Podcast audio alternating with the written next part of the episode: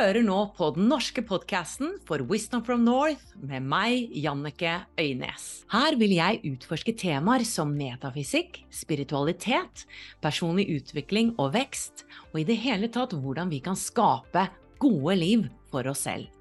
I Wisdom from North brenner vi for å hjelpe deg med å ta din spirituelle vekst til det neste nivået. Derfor samarbeider vi med noen fantastiske lærere og partnere som tilbyr gratis webinarer, klasser og meditasjoner. Gå til wisdomfromnorth.no slash gratis. Ansvarsfraskrivelse. Synspunktene og meningene uttrykket i denne podkasten tilhører gjestene og representerer ikke nødvendigvis de synspunktene eller posisjonene til Wisdom from North eller noen enheter de måtte representere. God fornøyelse!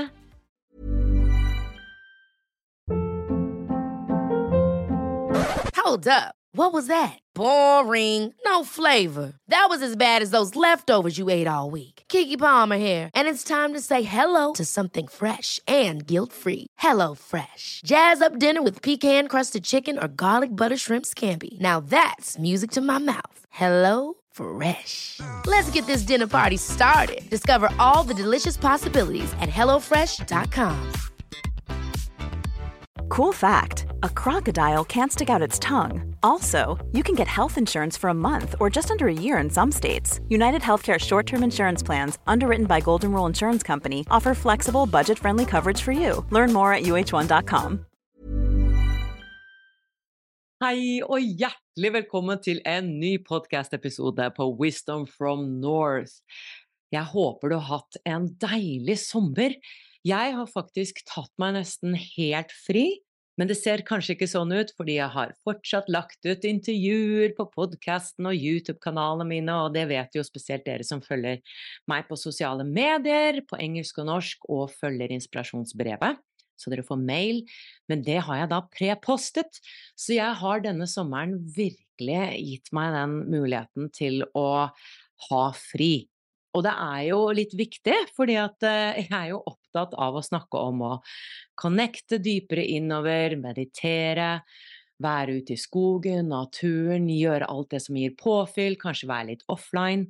Og det har jeg virkelig klart å være.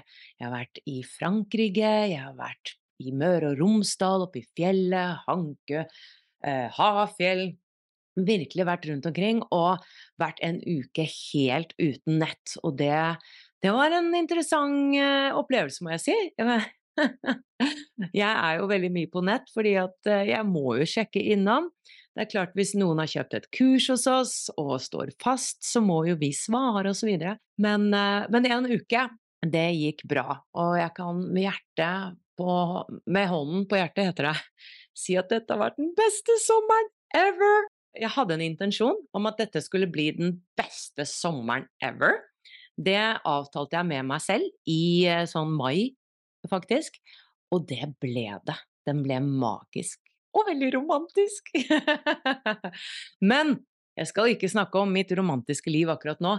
Eh, jeg skal snakke om Marianne Magelsen, som du skal eh, høre et intervju med, som gjorde veldig inntrykk på meg. Marianne Magelsen har skrevet en bok som heter Kjære Gud, kommer du snart? Det er så rotete her. Og i denne boken så deler hun sine fem beste verktøy for å roe nervesystemet. Og hvorfor er det viktig? Jo, fordi i denne boken så er hun supersårbar og åpen om hvordan hun følte at hun måtte repareres fordi hun møtte en krise i sitt liv. Og denne krisen handler om hennes forhold til kjæresten. Ja, jeg skal ikke fortelle hva som egentlig skjedde, men det var en krise mellom de to, og spesielt krise i henne selv. Hvor egentlig nervesystemet hennes løp løpsk, og hun taklet ikke en situasjon som kom opp i forholdet. Og jeg tror hvorfor dette gjorde så inntrykk på meg, det var spesielt tittelen på boken, fordi jeg har selv ropt mye etter Gud i mine mørkeste stunder. Jeg har selv vært utrolig langt nede. Jeg har hatt et kaotisk følelsesregister og følt at jeg har vært the odd one out i familien fordi jeg føler på alt. Jeg er empatisk, jeg er sensitiv, jeg har ikke kontroll over følelsene mine. Jeg er superfeminin der. Det feminine er jo kaotisk i følelsene, kan være. Og jeg har ikke sjans egentlig til å ikke la være å gråte hvis jeg føler for å gråte, eksempel. Så på mange måter så følte jeg at jeg identifiserte meg mye med Marianne. Og i forhold til forhold og menn og alt dette med dating, så har jeg i hvert fall hatt følelsene utenpå kroppen. Og det er et tema jeg har lyst til å ta opp mer i denne podkasten. Det er det feminine og det maskuline, og hvordan vi kvinner føler på så mye, og at vi er fra Venus, menn er fra Mars osv. Og, så og at kanskje grunnen til at forholdet er vanskelig, er nettopp fordi vi ikke har lært å kommunisere ordentlig med partneren vår, og vi ikke har lært ordentlig hvordan den mannlige hjernen fungerer, og hvordan den kvinnelige hjernen fungerer. Og ikke minst hvordan kvinnelige hormoner fungerer, og hvordan mannlige hormoner fungerer. Vi er veldig forskjellige. Og jo mer jeg har lært om hvordan det er å være kvinne, egentlig, jo mer har jeg kunnet akseptere hvem jeg er, og forstå mer av hvorfor ting skjer, og hvorfor jeg reagerer som jeg gjør. Men i dette intervjuet så snakker vi egentlig en del om nervesystemet, og hvordan da det løp løpsk i Mariannes liv, og det har jo også med traumer. Ikke sant? At noe ble trigget i Marianne, og det er det som ofte skjer oss i forhold. Noe trigges i oss, vi skjønner ikke hvorfor vi blir så jæsklig stressa over at hvorfor kan ikke mannen bare komme presis, eksempel. Det kan være en greie.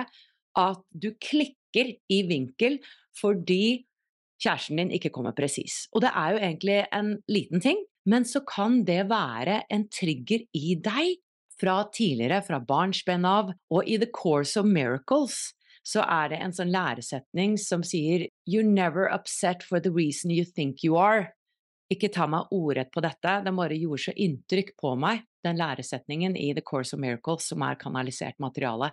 Når vi blir trigget, så handler det ofte om noe helt annet. Og når disse triggerne kommer opp, så er jo det egentlig bra, og de kommer ofte opp i forhold. Det er derfor det er så utrolig mye vekst ved å være i et forhold. Og når disse triggerne kommer opp, så handler det jo da om, tenker jeg, å ikke dytte de under teppet, men nettopp se på dem, være nysgjerrig på dem. Hva handler dette om i meg, Annike? Hvorfor blir jeg så trygget for at kjæresten min kommer for sent? Hva handler dette om, Jannike? Og så møte det med kjærlighet og gå inn i det. Og en annen ting jeg har lyst til å dele, som jeg egentlig ikke føler er så personlig, det er at jeg går til terapi. Og det har jeg gjort i tre-fire år. Og jeg gjorde det fordi jeg var i en vanskelig periode i mitt liv for noen år siden. Men nå har jeg det kjempebra. Jeg føler egentlig ikke at jeg har noen grunn til å gå til terapi. Samtidig som at det er så godt å hele tiden være i utvikling. Jeg liker å utvikle meg konstant, enten at jeg går på et online-kurs, eller jeg går på en konferanse, eller ja, jeg går til terapeuten min, så liker jeg å stadig avdekke nye sider av meg selv. Fordi jeg merker jo mer og mer jeg vokser, jo bedre og bedre får jeg det, spesielt i relasjonene mine, og gjennom Wisdom from North, at jeg føler at jeg, jeg kan gi mye mer, og jeg har det mye bedre. For dere som ikke kjenner historien min, jeg var deprimert som 20-åring, og jeg har vært en barnestjerne. Det var mye å ta tak i der. Men selv om jeg føler at jeg har det veldig bra i dag, så ønsker jeg å fortsette den utviklingen fordi jeg ønsker ikke å stagnere. Og jeg er av den mening at vi alle burde ha en terapeut. Fordi vi kan ikke bruke kjæresten vår til å være en terapeut. Vi kan ikke bruke venninnene våre. Vi kan bruke vennene våre til en viss grad om å lufte ting, snakke om ting, men vi kan ikke bruke dem som terapeuter. Det er derfor terapeuter er til. Og jeg føler at vi alle trenger å bli sett mye mer enn vi blir. Vårt indre barn spesielt trenger å bli sett, og da å finne en god terapeut som ser deg, hvor du bare kan vente, som det heter på engelsk. Du kan bare komme ut med alt du har følt denne uken eller denne måneden, eller hva det er, og ja, det tenkte jeg på, og det hoppet opp, og det skjedde. Fordi det er noe med å få det ut, tømme seg og reflektere over det. For meg så har det gjort meg til en lykkeligere person. og det tror jeg de rundt meg kan skrive under på. Anywho, du skal få møte Marianne Magelsen. Marianne brukte åtte år på å fullføre denne boken Kjære Gud, kommer du snart? Og hvis du vil ha denne boken, så kan du gå inn på bloggen min, klikke der. Det er en affiliate-link, så når du klikker på den, så går det også noen kroner inn til oss som gjør at du støtter disse episodene og disse podkastene. Marianne er utdannet sykepleier, coach og mindfulness-instruktør, og hun er i tillegg foredragsholder og har skrevet bestselgeren Også pust for livet. Og før vi setter i gang, så har jeg lyst til å minne deg om at vi har et utrolig spennende medlemskap. Hvis du ønsker virkelig å vokse, utvikle deg, åpne opp for mer av den du er, følge livskallet ditt, og få svar på brennende spirituelle spørsmål, så bli med oss i Wisdom from North medlemskap. Der har vi over 50 pluss masterklasser som er eksklusive. Du får tilgang til så mye spennende spirituelt stoff, både på engelsk og norsk. Du får masse meditasjoner, live-meditasjoner med meg og kollegaen min, og et spirituelt nettverk. Så gå inn på wisdomfromnorth.no slash medlemskap og les mer om det. Nå la oss høre Marianne sine perspektiver. Hei Marianne, velkommen skal du være. Takk skal du ha. Jeg eh, elsker tittelen, som jeg har sagt til deg tidligere. Kjære Gud, kommer du snart? Det er så rotete her. For jeg føler ofte så kan det være veldig rotete i livene våre. Ja, det var eh, Jeg tror ikke det bare gjelder meg at det er sånn noen ganger. Så uh, tittelen kom egentlig veldig tidlig. I hvert fall første del av den. Den her 'Kjære Gud, kommer du snart'. Mm. Uh, jeg tok meg i å høre at jeg stadig ba en liten bønn. Og det var jeg egentlig ikke vant til å gjøre. Mm. Så det er liksom en sånn i desperasjon så tror jeg alle kan kjenne på det, enten man er religiøs eller ikke. Mm. Det er så rotete her, kom litt senere, som en mer sånn Jeg tenkte eh, den opplevelsen at det er så mye tanker og så mye surr og så mange ting som hele tiden kverner, mm. eh, så opplevde jeg det bare som et rot i hodet da. Og dette tok jo, eller denne boken tok jo mange, mange år å skrive. Altså åtte år. Hvorfor var det så vanskelig å skrive denne boken? Veldig tidlig så visste jeg hva jeg skulle skrive om. Men ehm, det har jo vært en prosess hele veien, fordi de, det er jo noen verktøy i boken, og de, de har jeg eh, undersøkt, eh, jeg har testet de ut, jeg har på en måte levd de eh, for at det skulle være troverdige verktøy, rett og slett. Og jeg har ønsket jo å finne noen verktøy som kunne, gjøre, kunne på en måte trigge roen i kroppen, da, denne avspenningsresponsen, hvor vi faktisk kan være litt mer til stede i livet, enten, ja, både på godt og vondt. Mm. Så det tok tid, og så tok det tid å forme den, finne den riktige formen.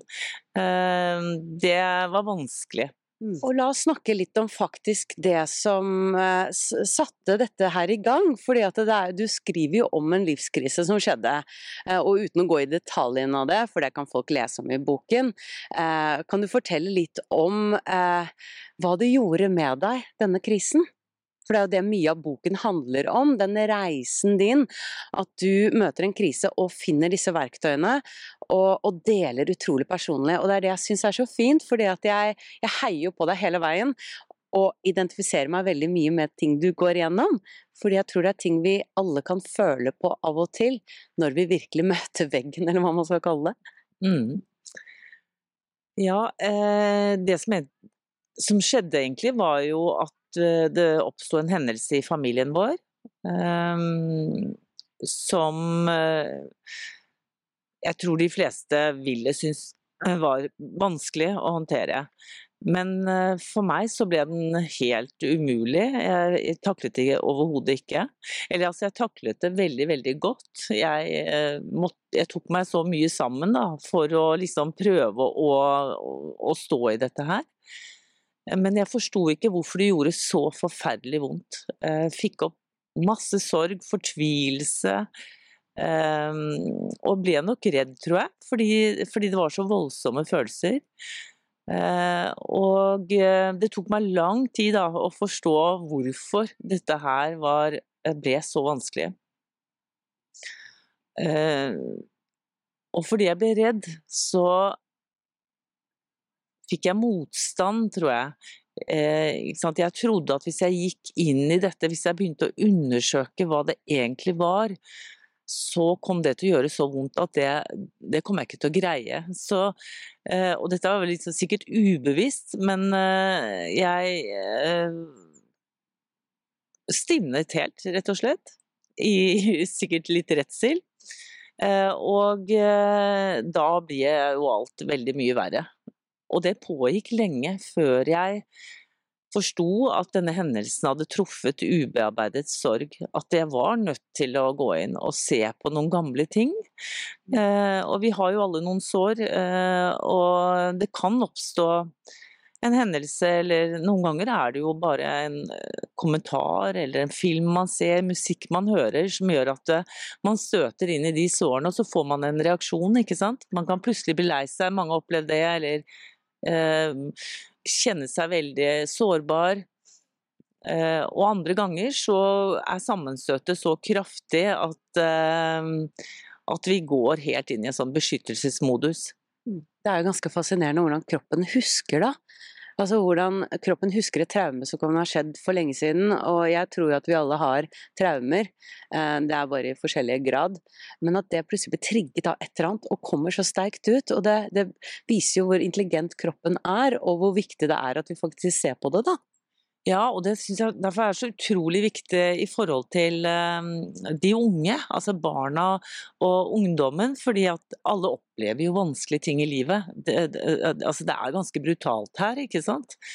Uh, men vi, uh, fordi kroppen har dette her i seg, at den beskytter oss veldig fort.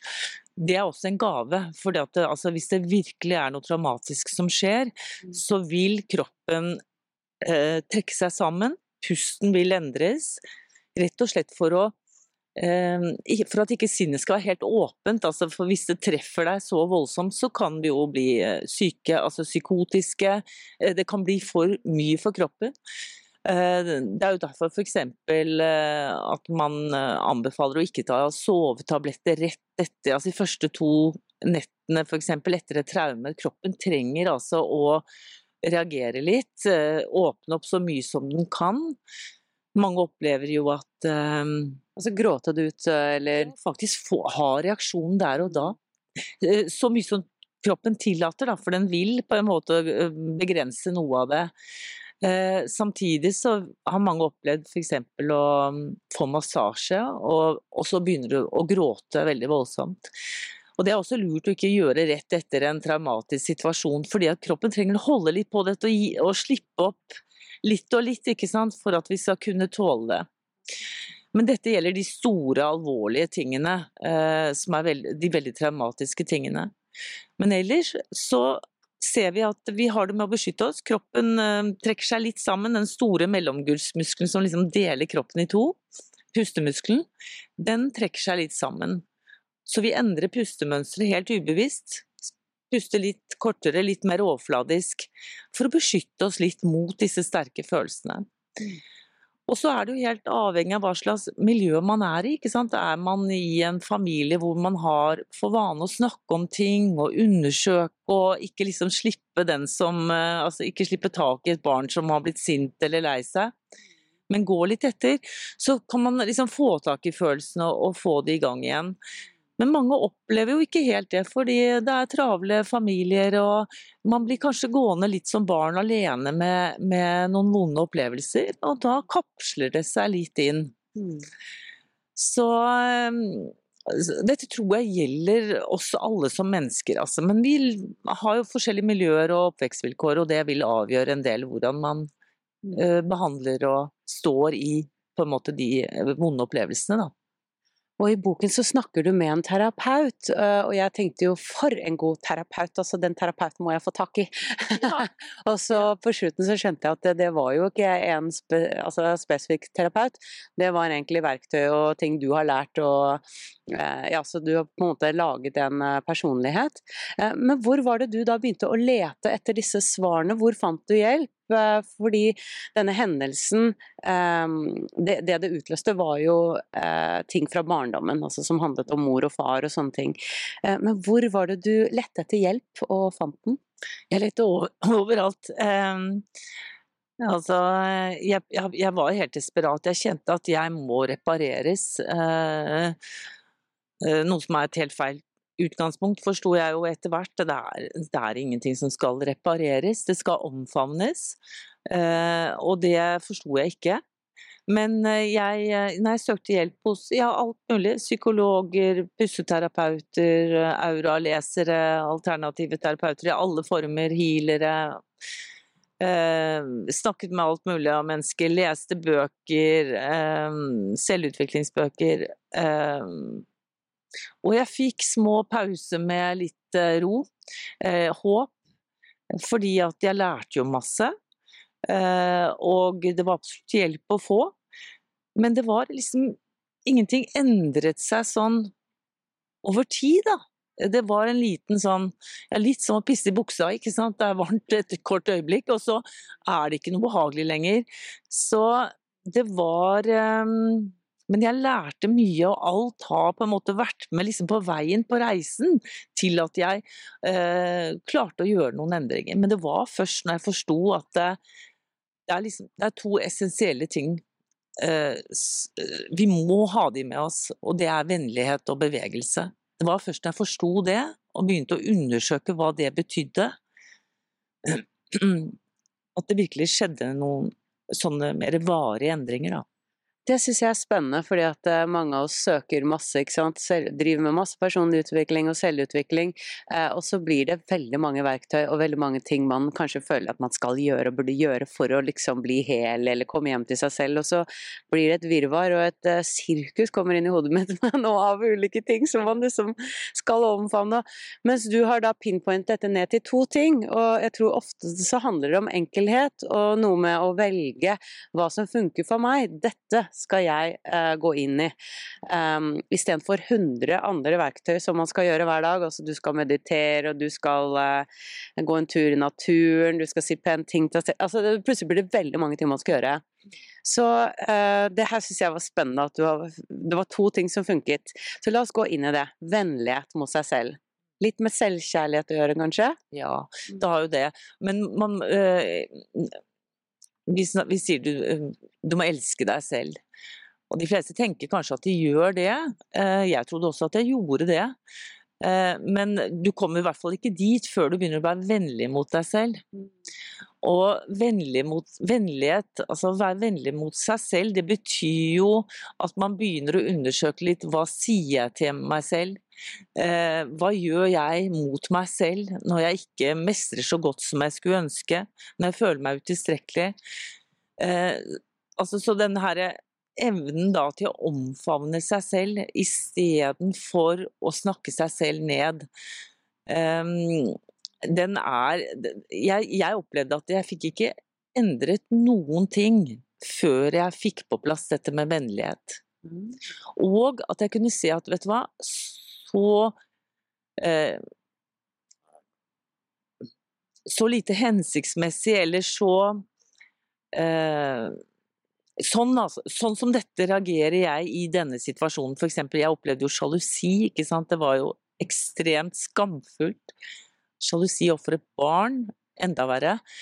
Eh, men det var først når jeg liksom forsto at jeg reagerer på denne måten fordi noe i meg gjør så vondt. Det er en smerte, en sorg, som gjør at jeg reagerer på denne måten først da kunne jeg liksom omfavne litt det eh, som gjorde så vondt, da. Og da roet ting seg ned, sånn at jeg kunne faktisk se med litt klarere øyne, litt mer ro, så kunne jeg undersøke hva er det da som gjør så vondt. Men før det sant, så var det bare 'jeg vil ikke ha dette her, vær så snill, jeg orker det ikke'. Hvorfor, hvorfor ha, føler jeg dette? Ikke sant? Det var bare så endeløs negativ snakk, fordi jeg ville ikke ha denne følelsen. Mm. Og den ble bare verre og verre hvor mer jeg snakket, ikke sant. Så i det øyeblikket jeg klarte liksom å omfavne den og være vennlig, så roet det seg ned, og da var det mulig å undersøke den. Interessant, altså. Eh, og hva med dette med bevegelse? Mener du fysisk bevegelse, eller mener du en annen type bevegelse? Ja, ja det fysisk bevegelse også, men eh, i denne søken da, etter å liksom prøve å omfavne alt dette som hadde skjedd, og eh, prøve å forstå hvordan kan jeg skape såpass mye ro i kroppen at jeg er til stede i livet mitt. At jeg kan høre hva jeg føler og tenker. Altså at jeg kan lytte innover.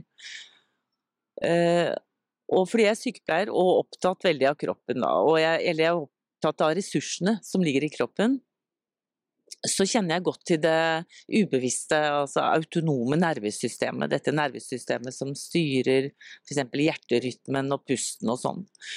Og jeg vet godt hva det er som trigger stressresponsen i oss, for det skrev jeg mye om i den forrige boka, 'Pust for livet'. Så ble jeg nysgjerrig på Eller det jeg ønsket egentlig å undersøke, var hvilke verktøy har vi som kan trigge den delen av nervesystemet som gir ro til kroppen. Og når kroppen har ro, så er det bevegelse. Fordi at når vi har ro, så puster vi fullstendig, og da er det bevegelse. ikke sant? Pusten gir bevegelse i kroppen, og denne store mellomgulvsmuskelen den beveger seg opp og ned. Og når vi har ro, så får vi litt mellomrom mellom tankene. Det er ikke bare dette maset, vi kan kanskje bare klare å sitte stille, lytte, være til stede. Når vi har ro, så er også følelsene og hjernebølgene litt roligere, sånn at vi ikke hele tiden har dette at vi griper og griper og griper og holder fast og blir forknytt.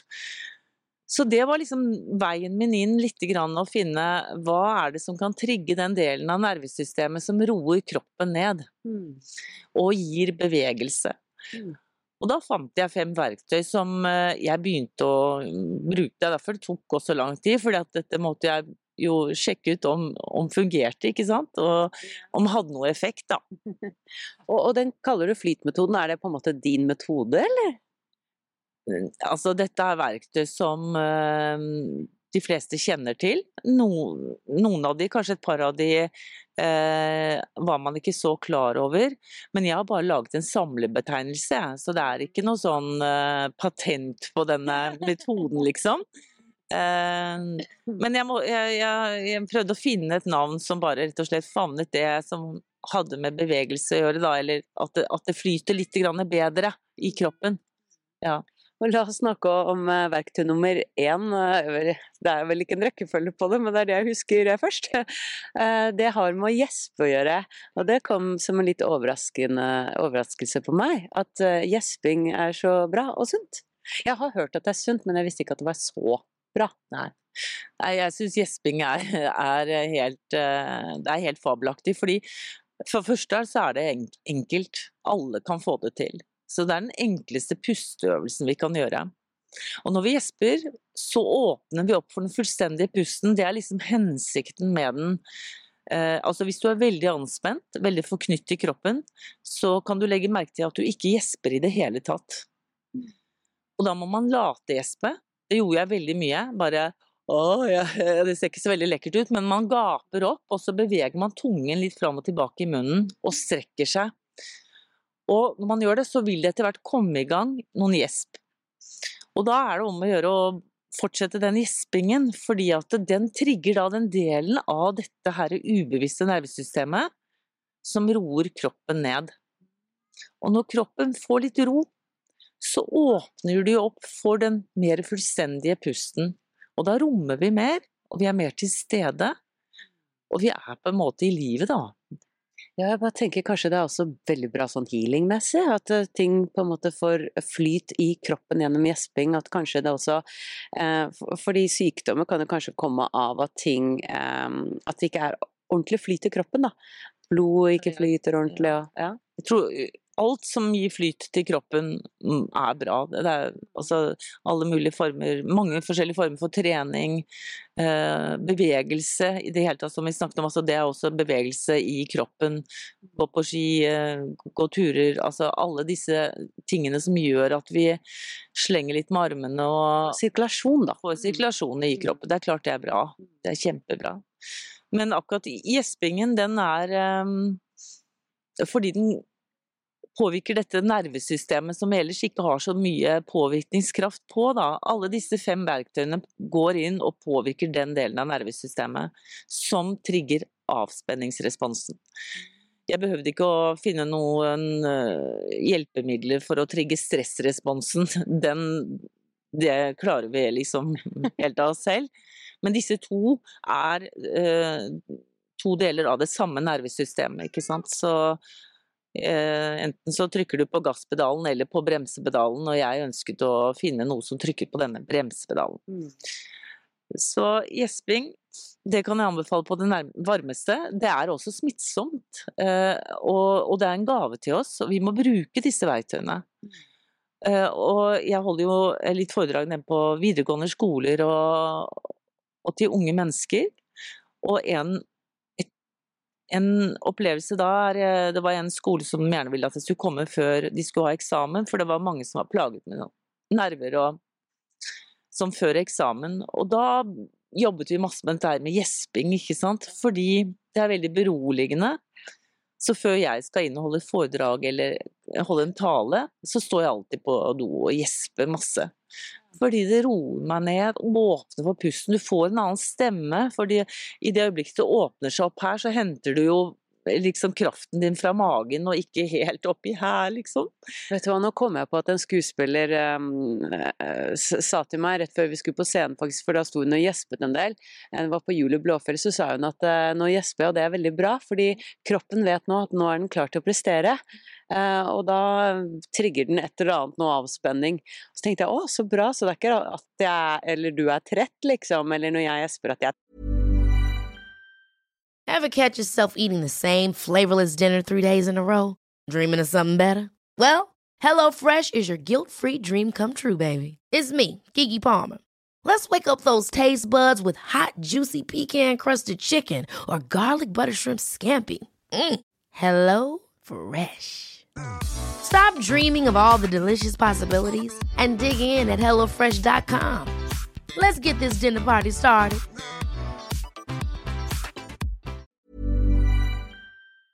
Trøtt. Liksom er det sånn Jannicke, er du trøtt nå? Nå skal du jo prestere. Men det var så fint å høre, for da skjønte jeg å, det er positivt, da. Ja. At jeg, vi gjesper da. Ja, jeg, jeg uh, tror hvis man uh, tar det til seg som et verktøy. Jeg lagde sånn, tegnet et kryss på hånden for å minne meg selv på det i starten. For du må minne deg på sånne ting. Du må komme inn i en rutine. ikke sant? Nå, hver gang jeg setter meg i bilen, tenker jeg å, gjesping, det driver jeg med nå. Eh, altså, bare fordi det, det bryter stressresponsen. Så på en arbeidsplass, da, hvis man hadde klart å få det inn som en sånn hyggelig greie. Altså at eh, hvis noen gjesper Ja, men at du bare Bra! Gjesping det er den beste pusteøvelsen du kan gjøre. Reiser seg opp fra kontorstolen, strekke seg og gjespe flere ganger i løpet av en dag. Da bryter du hele tiden stressresponsen i løpet av dagen. Men, men, hvor mange ganger skal man gjøre dette her? Man gjør det til du faller sammen, holdt jeg på å si. Altså, du kan bli så veldig sånn avspent at du blir helt sånn myk og slapp. Så hvis du har anledning, så er det kjempefint å gjøre det mange ganger. Ja. Dette skal jeg prøve på. Mm. og så eh, tilbake til verktøyene. Eh, du snakker om takknemlighet. Det er ja. viktig? Det er jo en eh, ganske kjent eh, sak at og det er jo noe man egentlig veldig fort kan teste ut selv. Og da snakker jeg ikke om den type takknemlighet som er eh, takk for maten, altså Det må kjennes, du må føle det. Du må ta følelsen helt inn.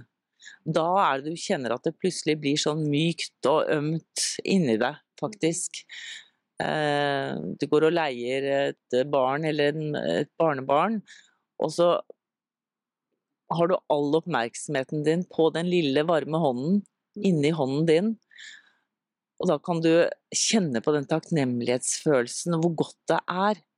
Og det også trigger kroppens avspenningsrespons. Vi roer oss veldig ned når vi klarer å kultivere, virkelig kultivere følelsen av takknemlighet. Og det tok deg lang tid å kjenne på, gjorde det ikke det? Jo. Uh, ja, jo. det sto det i boken. Ja, jeg hadde helt glemt å være takknemlig, rett og slett. Og det var jo ganske sånn flaut og eller skamfullt egentlig å oppdage det òg, fordi det tok meg litt tid, altså skjønne hva er det egentlig som menes med dette, hvordan liksom kom jeg i kontakt med den følelsen, da. Så jeg måtte øve på. Men, men, det der er litt interessant, for vi hører jo hele tiden at vi skal takke og være takknemlige og sant, se hvor grusomt andre har det på den andre siden av jorden, og eh, vi har det så godt. Men det er én ting å liksom bare ja, ja, nettopp, jeg har det så godt. Men en annen ting, som du sier, å ta det virkelig inn. Mm. Og virkelig kjenne den takknemligheten. Det er jo to vidt forskjellige ting, og det kan vi jo bare vite om, eller sjekke inn uh, i oss selv, uh, om denne takknemligheten på en måte er autentisk eller ikke. Ja, ja, det er akkurat det. Du, den, må, den, må, kultiveres, den må kjennes mm. ordentlig innvendig.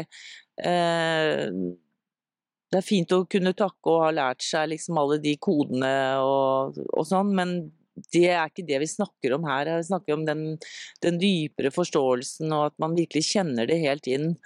Eh, en takknemlighet som eh, man må undersøke litt og i det øyeblikket man gjør det, så vil man skjønne hva det er jeg snakker om nå. Da kjenner man altså det rett og slett smelter litt innvendig. Mm. Og apropos det, så snakker du også om å snakke sant. Uh, og, det er vel til seg selv og til andre rundt den? Ja, det var jo også en ting jeg oppdaget da når jeg begynte liksom å undersøke hvordan jeg kunne komme, bli liksom mer eh, til stede og tydeligere og tre fram som meg, da, egentlig, i relasjonen hjemme. Og, øh, å snakke sant, det er øh, Altså, menneskekroppen, den reagerer på usannheter. Enten det kommer fra meg selv eller fra andre. Og du merker ikke dette hvis du ikke er oppmerksom, fordi det er små små justeringen den gjør, den trekker seg litt sammen. Og i det øyeblikket kroppen trekker seg sammen, spesielt er det denne store mellomgulvsmuskelen som gjør det, da endrer også pustemønsteret seg uten at du egentlig merker det. Men det blir litt kortere, litt mer anstrengt. Og i det øyeblikket så har du blitt litt mer forknytt. Og når vi er forknytt, så mister vi bevegelse. Og når vi mister bevegelse, så oppstår det på en måte stagnasjon. Og stagnasjon stjeler livskraft og mening. Det er jo når vi er i bevegelse, når vi har ro, når det er flyt, at vi virkelig er til stede. Vi er åpne for livet.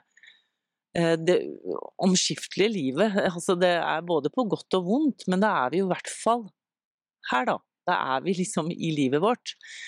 Så jeg begynte å studere det. Hva, hva, er det egentlig som skjer når, jeg, når samboeren min spør meg hva er det for noe, og jeg svarer det er nei, ingenting. Eh, som jeg hadde veldig ofte med å gjøre, fordi jeg egentlig ikke helt visste hva jeg skulle svare. Jeg hadde ikke, det hadde liksom ikke kommet helt ned. At eh, hva er det egentlig som plager meg nå? Er jeg lei meg, sint, sur, trist? Altså, hva har skjedd? Bruker alltid et par dager på å liksom skjønne hva var det Å ja, det var det han sa. Og da trigget det det. Og da kan jeg komme tilbake et par dager og si at du, det var det at du sa. og eh, ja, sa han. Ok, ja, men det skjønner jeg. Fint. Og han er ferdig for lengst. Mens jeg har da gått med dette et par dager og prøvd å finne ut hva det er for noe. Ganske håpløst. Men i hvert fall, i det øyeblikket klare å sette ord på hva det er man føler, da. Jeg ble lei meg da slapper kroppen av, fordi det du sier samsvarer med det du føler, det du opplever. Altså det, er, det er ikke lenger konflikt da, mellom det eh, intellektet ditt og kroppen din. Og de øyeblikk du har en konflikt gående der, så er det en slags stagnasjon. Da har det dratt seg litt sammen. Så jeg begynte med det. Jeg begynte med å forsøke å sette ord på det som var sant, det jeg følte. Det kan jo oppleves ganske skummelt fordi at det, jeg tror, tror vi, mange er litt redde for det. ikke sant? Vi er redde for avvisningen fra den andre parten. At den ikke skal like det eller akseptere det vi kommer med. Eller at det ikke passer seg på jobben liksom, å plutselig snakke sant ja. om hva du føler. ja, ja, det kan du si. Man får jo bare kjenne litt etter hva man syns passer. Da. Det viktigste er faktisk at man vet hva man holder på med om jeg ikke alltid sier det som er sant, så må jeg i hvert fall vite at nå valgte jeg å ikke si det. For da også forteller du jo på en måte kroppen din at ja, jeg hører dette, jeg hører hva du sier. Og jeg tror jo angst er ikke alltid, men i mange tilfeller så er det en konflikt mellom en kropp som vet, og et sinn som ikke helt klarer å erkjenne. Altså det er dette gapet. Og det er klart at det skaper masse uro, det.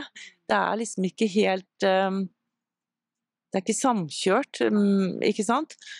Uh, og, og når jeg begynte å undersøke ordentlig, så så jeg også det at jeg Hvis noen hadde sagt til meg er du en person som lyver, eller snakker du sant, Nei, så vil jeg si at jeg stort sett snakker sant, vil jeg mene og påstå. Men jeg oppdaget jo det at det er, vi driver og småljuger ganske mye om sånne helt uvesentlige ting. Eh, vi, litt små vridninger fra sannheten, det gjør vi ganske mange ganger i løpet av en dag. Og det reagerer også kroppen på. Selv om det ikke er noe alvorlig, så reagerer den på det.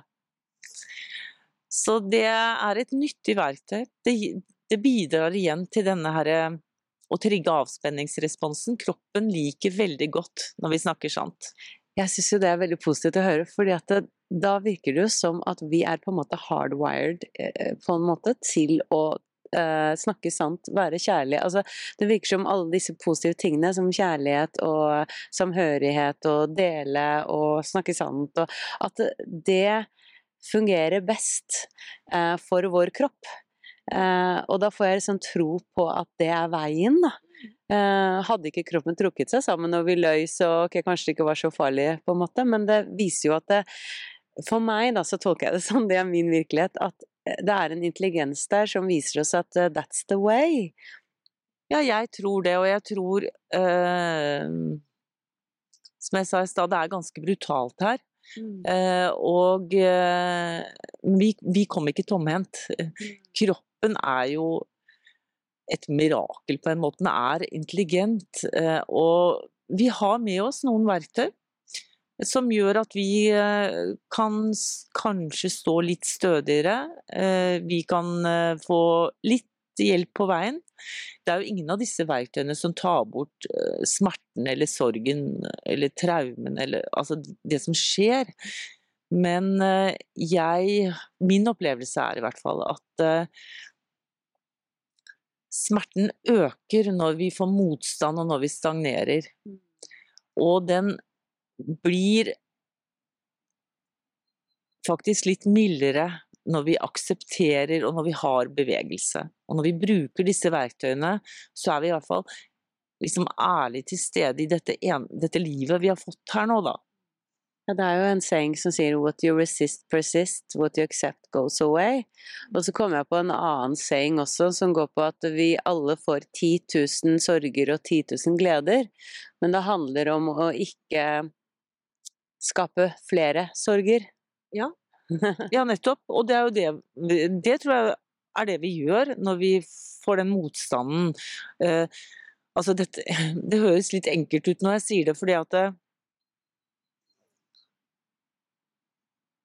Helt avhengig av personlighet, oppvekst, miljø og de menneskene man etter hvert har rundt seg, så vil noen ha lettere for å reagere akkurat når noe skjer, og stå i det og takle det og vite nesten intuitivt at de skal um, være litt i denne sorgen.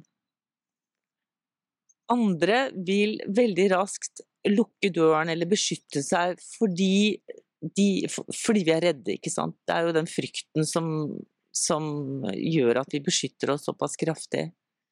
Og det bare å være klar over de to mekanismene, og at vi kan, hvis vi er våkne og oppmerksomme, så kan vi velge Neste gang noe skjer, da, så kan vi velge å prøve å gjøre det litt annerledes. Jeg kan ta et lite eksempel for deg. Dette er jo helt Men si at uh, jeg går ut i gata her, da. Og så kommer det en bil kjørende akkurat idet jeg skal gå over fotgjengerfeltet. Og, jeg, og, han holder på å kjøre på meg, så jeg skvetter jo noe jævlig og trekker meg tilbake ikke sant? og kjenner det der hjertet går og Jeg blir helt sikkert skikkelig forbanna òg, men jeg har blitt ordentlig skremt, da. Og jeg har fått i gang hele kroppens stressrespons og alarmberedskapen. Alt er nå gjort klart for å redde meg egentlig fra denne situasjonen. Det gjør jo kroppen. Og da har jeg lært meg en, denne her lille effektive tingen som er at da, da begynner jeg å gjespe. Altså jeg lategjesper da, så fort jeg kan. Eller i hvert fall så begynner jeg å trekke pusten dypt. Fordi at da vet, jeg vet nå at det som har skjedd nå, det var en skremmende opplevelse. Da forknyter kroppen min seg, denne stressresponsen er aktivert. Og jeg ønsker fortest mulig å komme tilbake i normaltilstand. Og da må jeg aktivt trigge den andre delen av det nervesystemet, som er den avspenningsresponsen. Og det gjør jeg ved å få i gang en fullstendig pust. Og det kan vi ha med oss litt sånn Hvis vi har med oss det som en sånn, et lite verktøy i livet, så, så kan vi slippe unna av en del av de der stramningene kroppen gjør, da. Fordi at vi kan faktisk ta tilbake den pusten. Og så, ja, ok, så slipper det taket, ikke sant. Jeg skvatt noe helt forferdelig, eh, men jeg lar ikke den stressresponsen nå rulle og gå. Jeg tar tilbake roen og bevegelsen. Jeg bare tenker på dyr som opplever traumer, eksempel jakter på, rister det av seg, og så bare går videre som om ingenting har skjedd. Det er akkurat det, og det skriver jeg noe om i den boken òg. Dette her med at uh, de har jo det naturlig i seg. Altså, de hadde ikke overlevd ellers, de hadde jo dødd av utmattelsessyndrom, ikke sant. Fordi at stressnivået Tenk deg en liten harepus liksom, eh, som jages av reven. Uh, han vil jo aldri ha ro til å kunne få tid til å spise, ikke sant. Fordi det er jo hele tiden et eller annet du må passe på. Så de har den evnen. Og man ser det på hunder og katter og sånn, altså hvordan de gjesper, rister på kroppen, strekker seg. Altså gjør alle disse tingene, men vi har glemt det litt. Mm. Nå har du beveget deg litt langt fra meg, du må komme litt nærmere. ja. Eh, siste verktøy, eller er det siste verktøy, som er oppmerksomhet? Ja, og så har vi aksept. Ja, nettopp. La oss ta oppmerksomhet først, da. Vi har snakket litt om det. Ja, og det har det jo vært Det er jo et kjent eh, etter hvert, fordi at det er jo knyttet opp mot eh, ja, meditasjon, mindfulness og alle de tingene som det har vært mye snakk om de siste årene. Um, men folk er forskjellige. Det er ikke alle som uh, syns dette med å sitte stille i meditasjon eller sånn er noe som passer for dem. Mens de kanskje opplever å, ren meditasjon ved å gå en skitur eller fiske eller holde på med en hobby. Så jeg synes liksom Kjempeviktige ting som fungerer egentlig kanskje like så bra, faktisk. Um, jeg skriver om det i boka på den måten at altså jeg, Det er jo i forbindelse med at jeg skriver om hva tanker er, dette her tankesurrer, ikke sant. Det er så rotete her. Det er så rotete her, ja. Um, veldig mange av tankene er jo uh, gjentagelser. Tanker om fortiden og framtiden. Og vi er ikke så ofte helt til stede. Eh, men fordi jeg var da i denne sammenhengen opptatt av hva er det som gir bevegelse, hva er det som gir flyten liksom i kroppen og ro, eh, så snakker jeg om oppmerksomhet i forhold til det å flytte oppmerksomheten fra å følge med på det tankene holder på med, til f.eks. hendene som lager mat, holder den lille barnehånden, holder på i hagen, altså hva det måtte være. Være til stede i det man gjør isteden Altså glemme seg selv et lite øyeblikk. For jeg oppdaget jo at det var da jeg hadde det best, når jeg ikke var så sykt opptatt av meg selv. Mm. Hvor jeg ikke hele tiden fulgte med på alle disse tankene. og fulgte, Det du gjør, er at du griper en tanke, og så følger du den tanken og den bare spinner og spinner og spinner, og den får med seg altså en hale av masse nye tanker og gamle tanker, negative, fordømmende, analyserende. Det er veldig masete. Det kan gi utrolig mye stress. Så, mens, eh, så jeg bruker f.eks. når jeg lager mat, da, det er liksom blitt en sånn fast rutine at da eh, Før kunne jeg da lage mat, si at jeg holdt på i 20 minutter med det, og ikke ane at jeg egentlig hadde holdt på med det, fordi jeg drev jo og fulgte noen tanker. Og tankene de eh, gir jo eh, utløser en sånn kjemisk reaksjon i kroppen som er følelser, ikke sant. Både gode og dårlige og triste og, og glade følelser. Så jeg kunne jo stå og lage middag i 20 minutter og bli i ganske dårlig humør, ikke sant. Fordi jeg hadde fulgt eller annet, en eller annen bekymringstanke. Men nå er det sånn at jeg er helt bevisst, jeg bestemmer meg for at nå skal jeg være i hendene. Jeg holder den tomaten, og jeg kjenner virkelig tyngden av den. Altså du må gå helt inn i den, på samme måte med, som takknemlighet, da. Det, det er ikke litt sånn overfladisk, det er å gå helt inn i den, fordi ellers så bare griper du plutselig en tanke igjen. Ja. Så oppmerksomheten er på dette. Jeg lukter hvitløken i panna, jeg, jeg er helt til stede. Og det som skjer da, som jo veldig enkelt å erfare selv, det er at uh, jeg blir helt rolig. Mm. Og så blir jeg glad. Mm. Og det var jeg veldig sånn overrasket over. Hvor kom den gleden fra? Men den er jo egentlig alltid til stede hvis vi flytter oppmerksomheten vår fra dette maset som uh, Altså, hjernen er jo kjempefin å bruke uh, når du skal finne ut noe være kreativ, eh, reflektere over noe sånn. Men eh, det er viktig å, å, skjønne at det også er en produksjon av tanker der det er noe hjernen driver med. Den er et organ, mm. på samme måte som nyrene produserer urin. Mm. Du er jo ikke urinen din, og du er ikke tankene dine heller. Nei. Det er veldig lett å identifisere seg med dem. Og mindfulness uh, går jo også litt på at vi skal observere tankene, men uh, være til stede på en måte uh, i livet, i kroppen. også observere tankene, men bare la de gå forbi.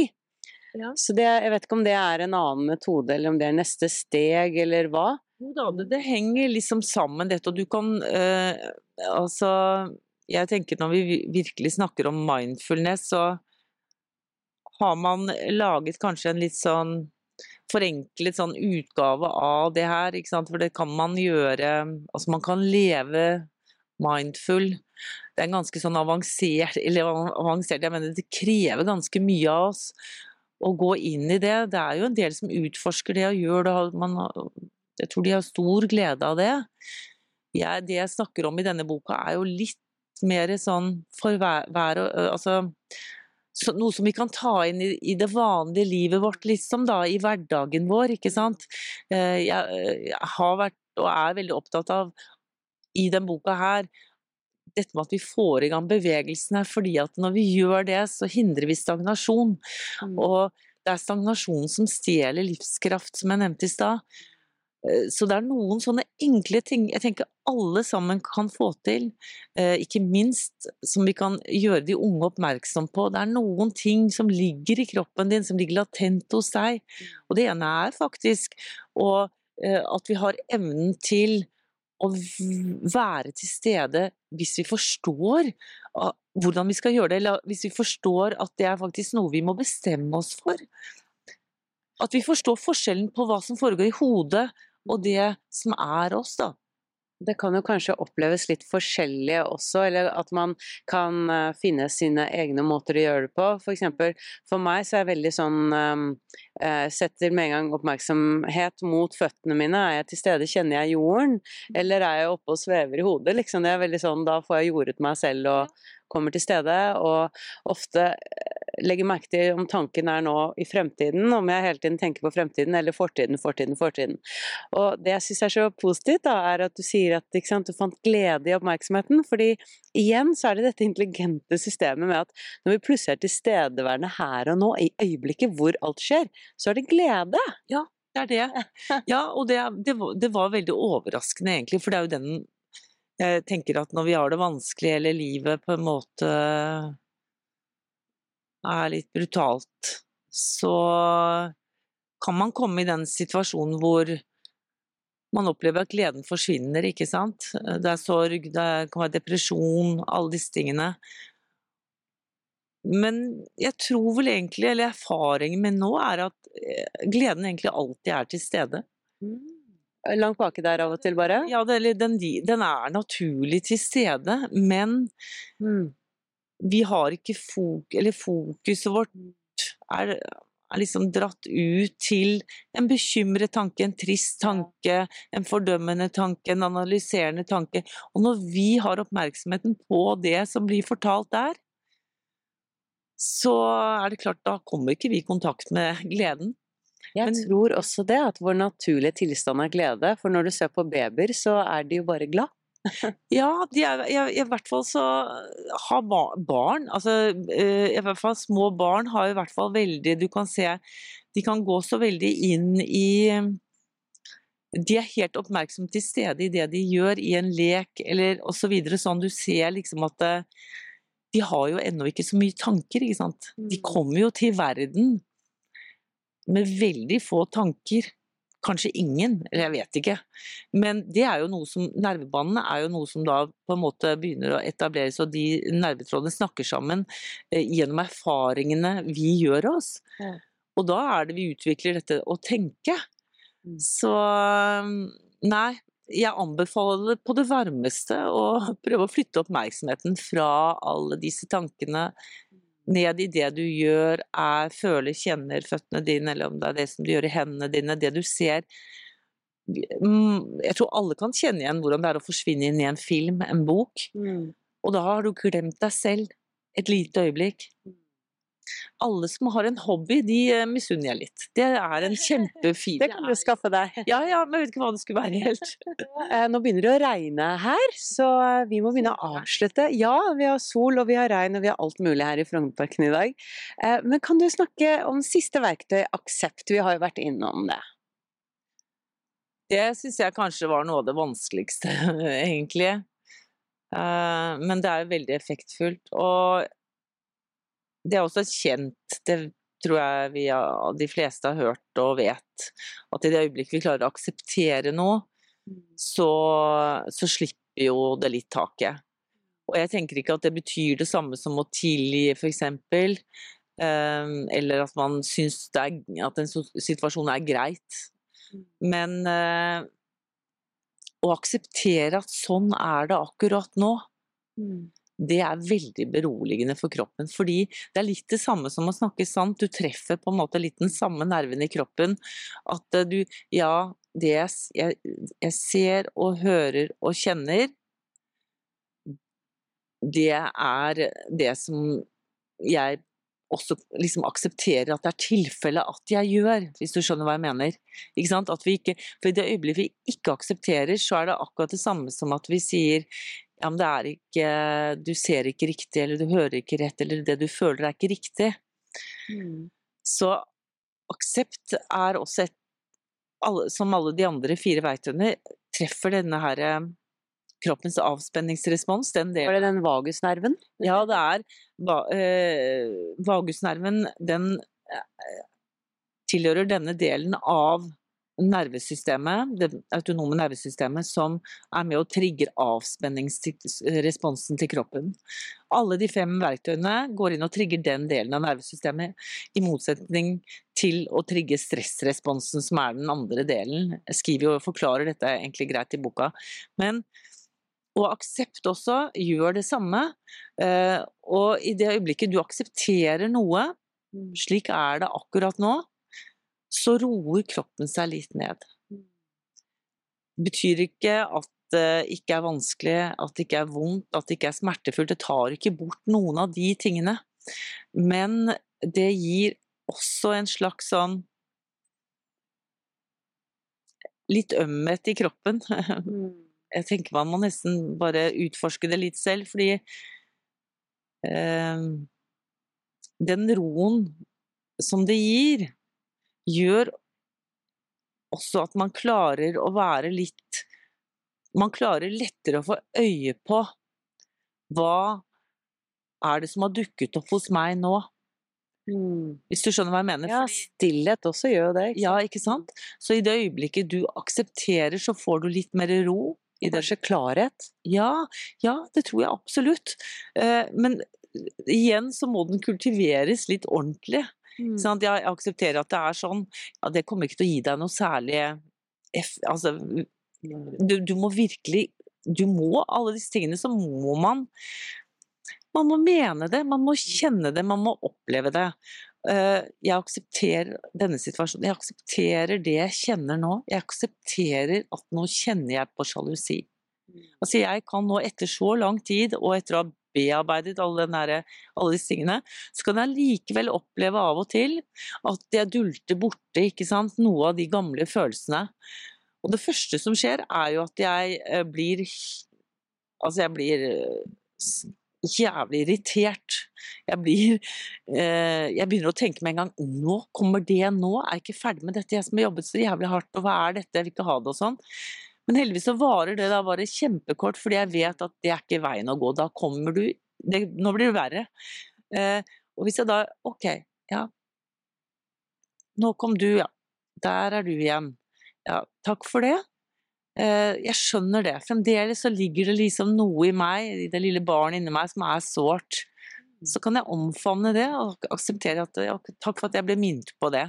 At jeg har disse såre tingene. Det er ting jeg fremdeles er redd for, men det er greit. Og da tar det altså bare så lite øyeblikk før jeg plutselig er opptatt med noe helt annet, så jeg har glemt, eh, glemt liksom hele greia. Mens jeg ellers før kunne sant, være i den modusen i dagevis. Helt til jeg har så vondt i huet og nakken og overalt, ikke sant? fordi du har jo an blir så anspent. Ja, og man skaper det drama, og jeg tror det, det er en annen måte å leve på, sånn som du nå egentlig har beskrevet, da. Ja, det ble i hvert fall for meg så har det vært eh, litt livreddende, føler jeg. Ja, og eh, det er ingen sånne helt Jeg har ikke funnet opp hjulet på nytt eller noe sånt. Jeg har prøvd å sette det inn i en kontekst.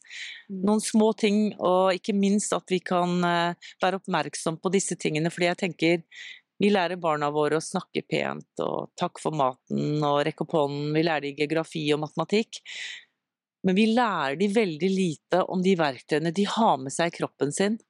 At de faktisk har noen verktøy som kan hjelpe dem litt. Gjespe, snakke sant, takknemlighet, alle disse tingene. Det er veldig enkle ting som jeg Jeg tror vi hadde fått en gruppe litt annerledes ungdom og voksne som kanskje ikke var så plaget med angst og depresjoner hvis de visste at de eh, hadde noe med seg som var til god hjelp, og at de visste at det var de som måtte ta ansvar for det. Veldig viktig arbeid du gjør. Tusen takk. Ja, takk skal du ha. Tror jeg vi må avslutte, for det har begynt å regne her. Men det har vært en vakker dag i Frognerparken, og jeg kan varmt anbefale denne boken. Den leste jeg på no time, for å si det sånn. Takk skal du ha. Så tusen takk, og lykke til med alt ditt fine arbeidet. Takk skal du ha.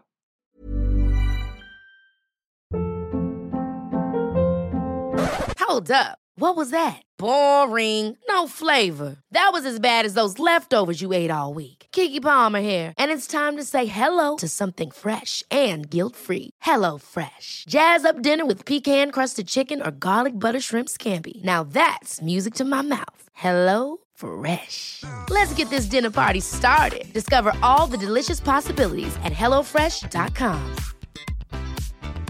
Planning for your next trip? Elevate your travel style with Quince. Quince has all the jet setting essentials you'll want for your next getaway, like European linen, premium luggage options, buttery soft Italian leather bags, and so much more. And is all priced at 50 to 80% less than similar brands. Plus, Quince only works with factories that use safe and ethical manufacturing practices. Pack your bags with high-quality essentials you'll be wearing for vacations to come with Quince. Go to quince.com slash pack for free shipping and 365-day returns.